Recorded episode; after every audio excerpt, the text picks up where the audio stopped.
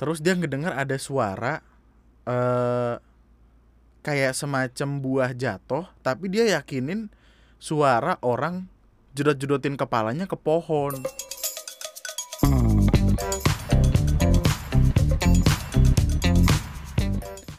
Malam kak aku Nurul? Halo Nurul. Mau membagikan eh, sedikit pengalaman horor aku.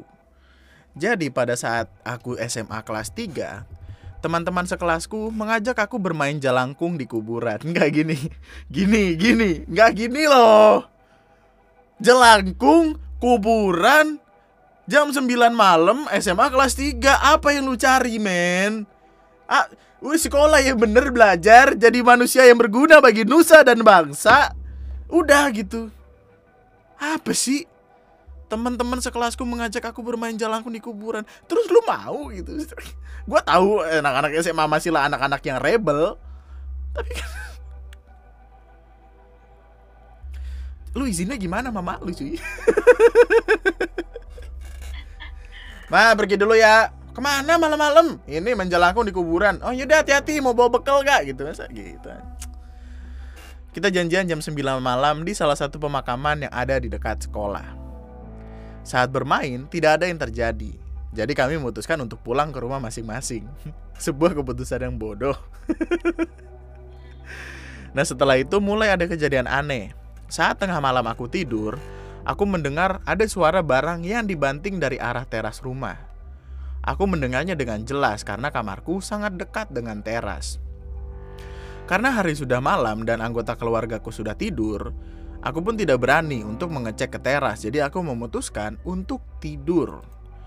Pagi harinya saat aku mengecek teras, aku melihat meja dan kursi plastik yang memang ditaruh di teras semua berantakan. Berserakan seperti habis dibanting. Aku dan keluargaku kebingungan. Tahu gak sih lu? kan namanya jelangkung dipakai buat ngajak setan main ya kan atau buat uh, manggil setan gitu kan gimana kalau setan itu lagi otw tadinya terus lu tinggal balik? Kan dia kesel orang diajak main kagak jadi. Akhirnya dia nyamperin rumah lu diberantakin syukur lu. Setengah-setengah sih apa-apa. Tidak berhenti sampai di situ. Saat di sekolah aku pun membayangkan cerita ke, eh, ke ceritaku dengan teman-temanku yang tadi malam ikut main jalangkung tapi tidak ada satupun dari mereka yang merasa diganggu Lanjut saat pelajaran kimia, tiba-tiba satu kelas menjerit ketakutan dan berlari ke depan tempat ibu guru berada. Aku yang bingung dengan apa yang terjadi ikut maju ke depan dan bertanya pada temanku, "Ada apa?"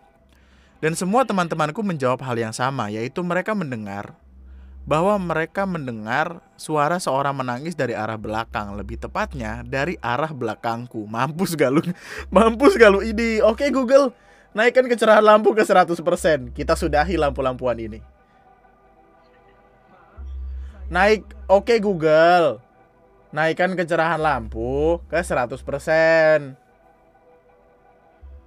Nah, gitu dari tadi lah. Tetapi aku sama sekali tidak mendengar apa pun. Akhirnya pada saat jam istirahat, aku pun menemui temanku yang indigo dan bertanya tentang hal ini. Dia bercerita bahwa saat kejadian itu dia kebetulan melewati kelasku sehabis dia dari toilet dan saat itu dia mendengar teriakan, dia mengintip ke jendela kelasku. Di situ dia melihat sosok wanita berambut panjang berbaju putih dengan muka yang setengah hancur dan penuh darah berdiri di belakangku sambil menangis. Tetapi tangannya terulur menutupi telingaku. Wah,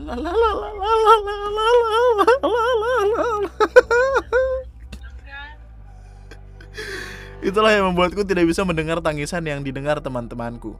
Dia juga memarahiku karena aku ikut main jalangkung dan jadinya ketempelan dan memintaku untuk tidak mengulanginya lagi. Enggak, perkaranya gini, how you solve that problem, bukan jangan mengulanginya lagi. Itu setan kan berarti masih di dekat dia gitu. Jadi kayak setan ini loh, kayak setan setan budek tau gak kan katanya setan budek itu uh, adanya di dekat-dekat rel kereta jadi ketika lu lewat ke situ lu nggak dengar ada kereta lewat terus lu ketabrak gitu. Uh, dan itu katanya setannya ya udah nempel di belakang lu terus kuping lu ditutupin gitu. Gua nggak tahu nutupnya pakai tangan atau pakai headset nanti gua tanya kalau ketemu tapi ya intinya lu nggak bisa dengar apa-apa gitu. Dan itu menakutkan men. Apalagi kalau misalkan di, di keadaan-keadaan tertentu gitu. Tolong udahlah jangan jalangkung jalangkungan lah Karena ada mainan yang lebih baik. Hago bego main Hago. Kalau nggak Mobile Legend bisa main sama temen mabar berlima. Udahlah. Zaman kapan sih masih main jelangkung aja 3 SMA tuh? 3 SMA tuh mau UN bego belajar.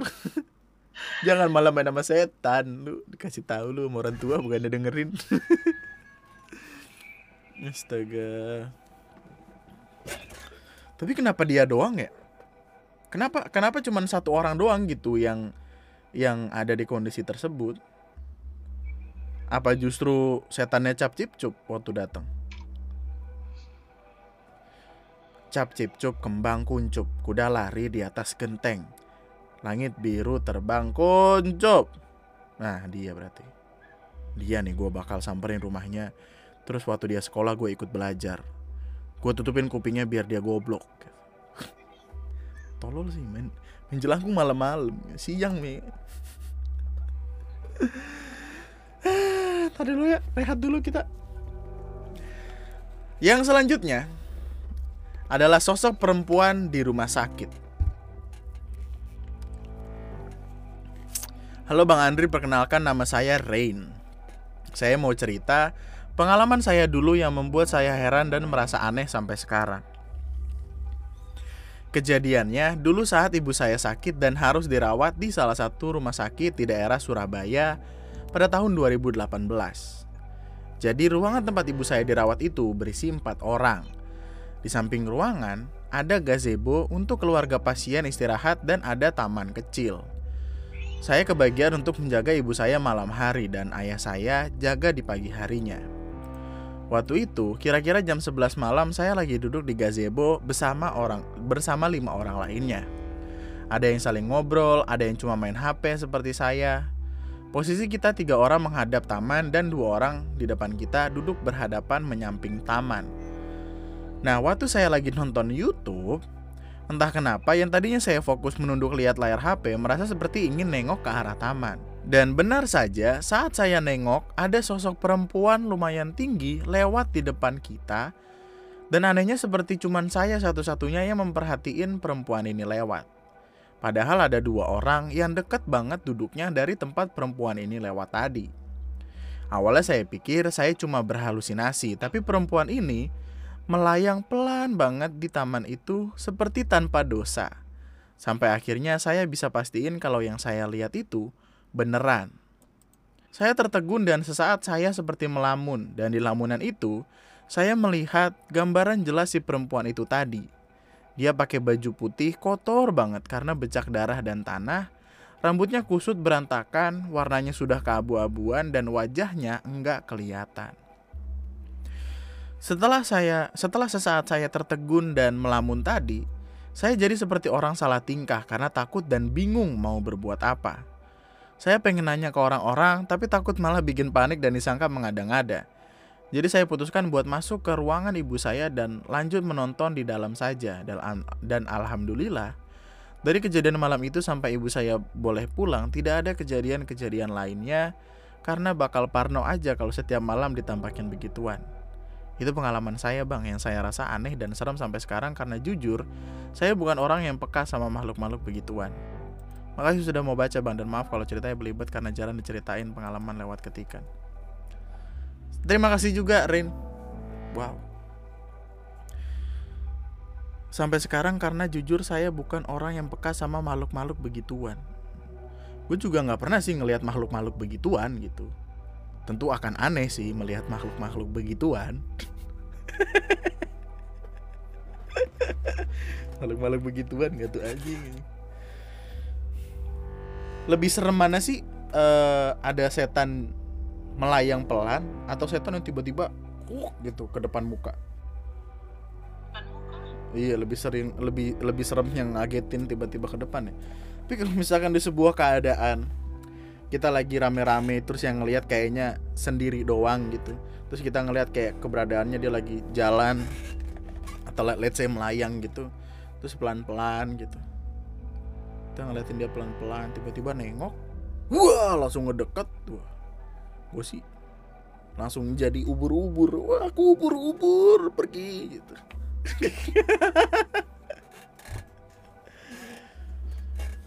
Tapi kenapa ya rumah sakit tuh rentan sama hal-hal kayak gitu gitu? Apalagi let's say yang kayak taman-tamannya gitu. Ini taman-taman tuh rada menyeramkan tau untuk malam hari disamperin makanya ketika gua di kampung tuh kalau misalkan malam-malam uh, jadi pokoknya beberapa tahun sebelum balik terakhir uh, balik terakhir kan gua 2000 berapa itu? 2015 apa ya? Pokoknya uh, sebelum sebelum itu kakung kan rumahnya masih uh, masih pakai jamban tuh masih pakai kakus. Jadi kakung apa formasi rumah eh formasi bentukan rumahnya kan kayak uh, rumah ruang tamu kamar kamar kamar kamar dapur masih pakai kayu keluar pintu cabut ke belakang banget ada kakus Kenapa kakusnya jauh dari rumah? Tentu saja biar tidak bau dong. Masa lu mau di belakang di belakang dapur pas gitu lagi masak tiba-tiba nyium yang tidak enak kan aneh juga nah di kakus itu uh, kakus tuh jaraknya kayak berapa ya aduh mungkin 200 eh 50 sampai 100 meter gua nggak tahu. Pokoknya lumayan jauh dan di situ tuh pure kayak uji nyali men. Bukan kayak lagi boker. Kayak lu lagi ikut acara di Trans 7 apa sih namanya itu? Yang yang dunia dunia lain dunia masih lain apa sih? Masih dunia lain. Dunia lain masih nah itu. Villa tuh kayak gitu lu tinggal pakai helm yang ada lampunya sama bawa lilin gitu dan pohon di belakang rumah tuh gede-gede gede-gede. Dan persis kebun aja pokoknya I don't know kenapa waktu itu gue berani gitu. Mungkin salah satu alasan karena ditemenin boy sih temenin nenek gue tapi kalau misalkan gue sekarang pun udah segede gini disuruh lagi boker di tempat itu nggak berani loh gue mending gue tahan gue tahan sampai pagi. Kalau bisa gue tabung sampai masa depan nanti masa depan yang cerah. Kebun-kebun tuh kayaknya adalah tempat yang harus dihindarin gitu buat gue nggak tahu kenapa. Apalagi kalau misalkan gelap nggak ada lampu banyak nyamuk yang lucu tuh teman-teman gue itu sering kali takut ke rumah gue karena di belakang rumah gue kan kali kan salah satu alasan kenapa mereka takut adalah belakang rumah gua kali, samping rumah gua rumah orang, sampingnya lagi tuh kayak gelap gitu. Nah dari jalan uh, mulai masuk jalan perumahan gitu, belok kiri lurus terusnya tuh kayak kebun punya orang gitu. Dan kebunnya tuh rada-rada serem karena tidak ada pencahayaan yang yang normal gitu. Jadi remang-remang gitu lampunya orange-orange shady-shady gitu. Dan feelnya jelek aja gitu. Tiba-tiba lewat ada bau melati lah mawar lah. Untung bukan bapak-bapak mawar di Sujat Miko. Itulah alasan kenapa Windu tuh kalau balik ke rumah gue nggak lewat situ dia takut. Dia lewatnya lewat jalan lain itu yang yang gue ceritain waktu itu yang dia ke rumah gue balikin helm. Tiba-tiba mau mau masuk ke area kebun tadi balik lagi ke rumah gue man helm lu minjem dulu dah. Helm udah dibalikin dipinjam lagi dipakai supaya dia nggak ngeliat kiri kanan kan? Anjingnya gitu. Kebon kebon. Kita beralih ke cerita selanjutnya kawan-kawan perjalanan kita masih panjang I don't know gue mungkin akan bikin video ini dua jam supaya bisa gue jadi jadi eh bagi jadi empat part gue nggak tahu juga tapi cerita selanjutnya melihat makhluk goib sembayang gokil Terjadi di tahun 2006. Cerita ini berawal ketika sehabis maghrib. Saat itu aku waktu masih TK. Aku hobi bacain buku kakak-kakakku, kakak-kakakku. Nah kebetulan posisi lemari buku ada di sebelah ruang sholat. FYI, for your information, ruang sholat di rumahku cuma ditutup pakai tirai gantung setinggi 2 meter dan ada sisa sekitar dua jengkal tanah dari eh dua jengkal tangan dari bawah. Kalau orang Jawa nyebut itu selambu, kelambu. Nah, ketika aku ngambilin buku, mungkin gitu ya. Aku kayak dengar suara lutut dan dahi yang membentur lirih ke sejadah layaknya orang sholat pas sujud. Aduh, aduh, aduh, aduh, aduh, aduh, aduh. Nah, terus aku intip dari bawah. Aku melihat ada perempuan yang sholat di tempat sholatku ya udah aku santai aja mungkin emak aku terus aku ke ruang tamu aku tanya ke kakakku perempuan yang lagi nonton TV pokoknya dia nanya kayak itu siapa yang sholat terus mbaknya bilang kayak loh nggak ada nggak ada yang sholat kok. Terus mbaknya bilang loh nggak ada yang sholat? Mama kan lagi di pengajian gitu ma lagi di pengajian. Terus dia bilang kayak loh terus siapa? Mbaknya bilang ayo lo ada setan. Nih mbaknya juga anjing nih. Pada saat itu aku ditakuti sama kakakku. Karena pada saat itu emang nggak ada perempuan lain selain mbak. Dan aku tahu setiap malam Jumat emak ikut pengajian rutinan kemudian aku memberanikan diri membuka tirai itu dan nggak ada siapa pun di dalam langsung merinding dan aku lari ke teras rumah. Dan tiga bulan kemudian, hal ini ganti dialami oleh mbak, mampus lu. Dia nunggu antri sholat maghrib karena mbak lihat emak di tempat sholat dipakai emak.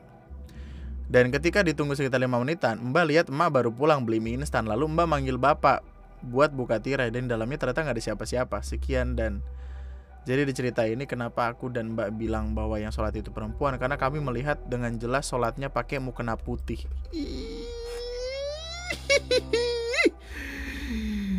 Bisa gitu ya si abang, si abang.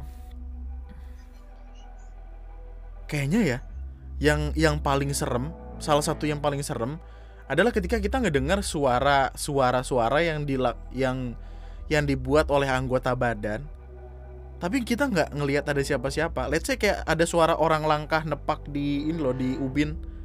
Tuh guys yang suaranya kayak ini yang yang gitu yang dung dung dung dung gitu. Terus tiba-tiba lu cari kagak ada siapa-siapa kan panik ya? Ini suara apa nih? Nggak mungkin suara perut dong. Suara perut aja. Nyanyi kali ya suara perut. Atau kayak suara orang aduh ini gue lupa gue lupa gue lupa. Ketika gue lagi di kampung uh, ada orang cerita ke gua orang ini adalah orang yang apa ya yang yang sangat amat gue kagumi karena dia main volleynya bagus banget waktu itu. Terus dia bilang dia lagi ngarit dia lagi ngarit di kebun rumahnya subuh subuh karena buat makan sapi sapi apa kambing gitu. Ngarit itu pokoknya lo ngambil rumput-rumput liar gitu.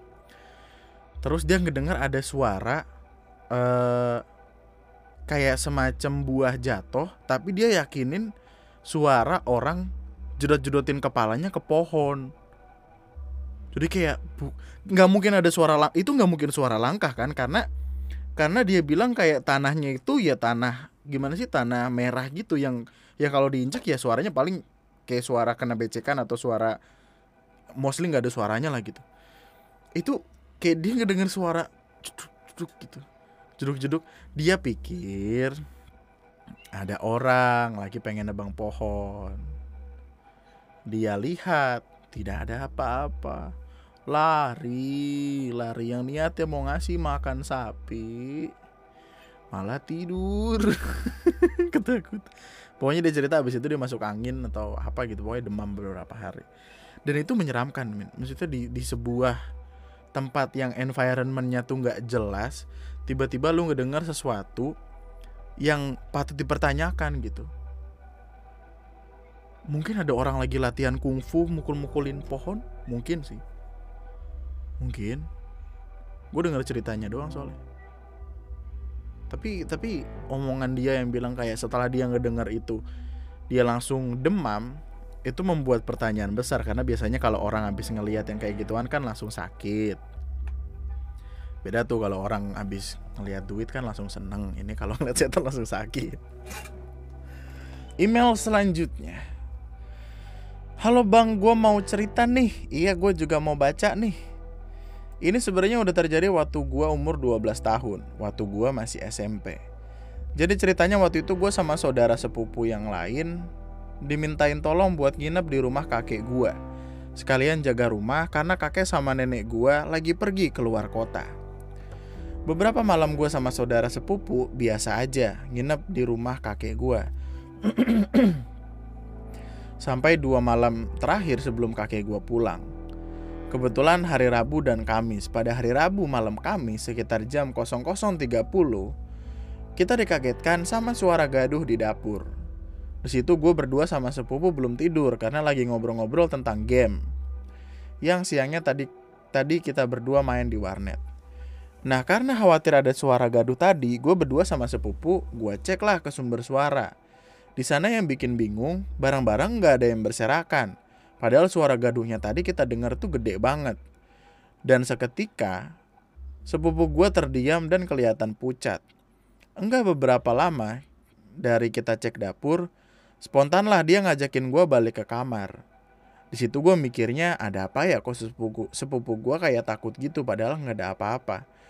Waktu di kamar dia nanyain ke gue, eh lu nyium bau aneh nggak? Gue jawab lah, nggak ada kok bang. Pada waktu itu, gue nggak tahu bau yang gue cium itu ternyata daun pandan kayak gosong gitu. Gue mikirnya bau itu bau orang yang lagi bakar sampah. Jadi sepupu gue agak tenang karena gue jawab nggak mencium bau-bau aneh. Singkat cerita, malam terakhir jaga rumah sekitar jam 3 pagi, gue kebangun karena dengar suara bel tamu rumah kakek gue bersuara. Di sana, gue masih belum terlalu sadar dan gue tanyalah ke sepupu gue. Bang, ada tamu itu neken tombol bel. Sepupu gue bilang, udah tidur aja.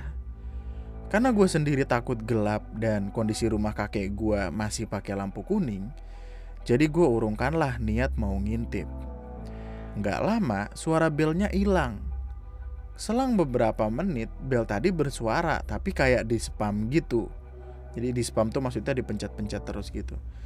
Jadi gue bener-bener panik dan ke kasur sepupu gue nanyain, bang itu siapa yang yang mencetin tombol bel terus-terusan? Di sana gue lihat sepupu gue cuma baca istighfar terus-terusan karena gue takut. Jadi ikutanlah gue baca istighfar bagus. Suara bel itu lumayan lama, kira-kira 4 sampai 5 menit dan akhirnya berhenti. Jadi di sana karena gue masih takut, akhirnya mikir ya udahlah mending tidur aja dulu jangan ngapa-ngapain. Singkatnya waktu subuh gue dibangunin sepupu disuruh sholat subuh. Eh pikir gue tumben disuruh sholat subuh karena sebelumnya enggak. Kondisi gue waktu itu pergi ke kamar mandi buat ambil wudhu itu masih setengah sadar dan sayup-sayup. Jadi gue minta ditemenin. Dan ditemenin di sana gue kaget lah kok kakek gue udah sampai ke rumah nggak bilang-bilang tapi malah udah di dapur Spontan aja gue salam sama kakek gue. Di sana tanpa ada rasa curiga.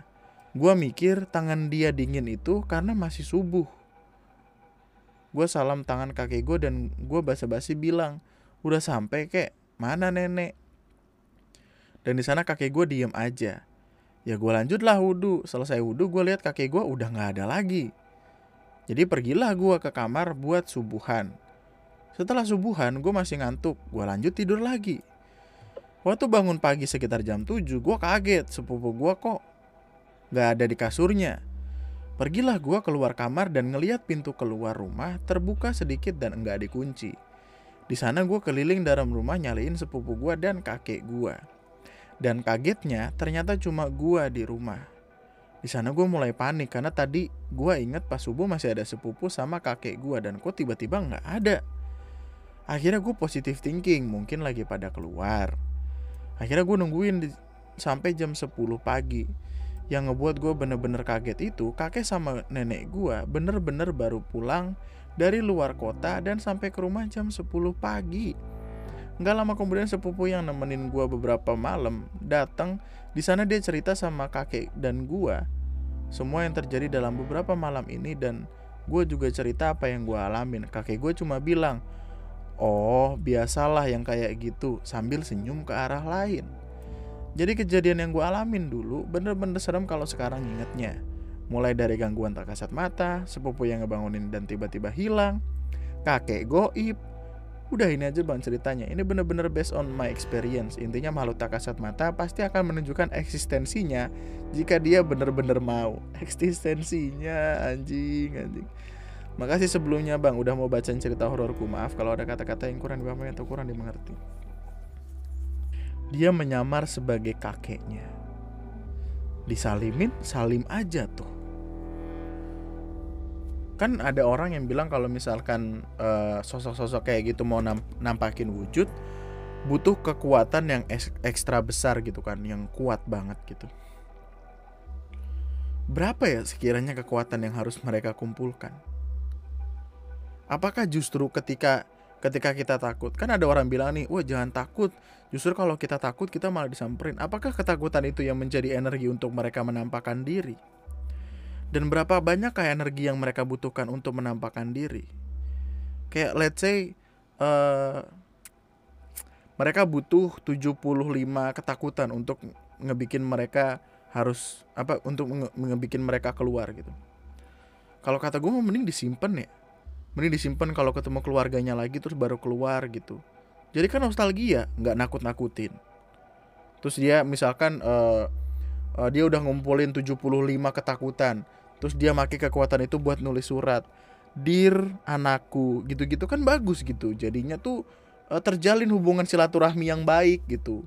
Daripada sekedar nakut-nakutin kan nggak bagus. Atau mungkin lu berkoordinasi sama anak lu. Lu kumpulin 150 150 ketakutan. Jadi 75 ketakutannya lu pakai buat nulis surat bro ini gua di sini. Uh, tolong nanti kumpulin keluarga kita foto bareng. Nanti gue pakai kekuatan gue buat muncul. Nah gitu. Jadi waktu udah 3, 2, 1 action Lu muncul nih pakai 75 kekuatan yang tadi Buat ikut foto bareng-bareng. Kan lumayan bisa dipakai buat foto keluarga. Ah nggak ini lu nggak visioner. Nggak nggak bermanfaat jadinya kalau kayak gitu. Mubazir. Tuhan itu membenci hal-hal yang mubazir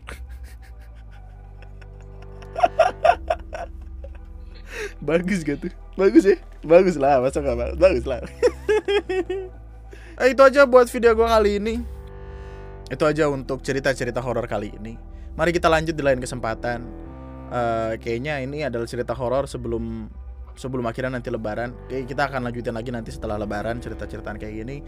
Tapi itu aja. Selamat berhari Minggu. Eh, sekarang hari Minggu ya?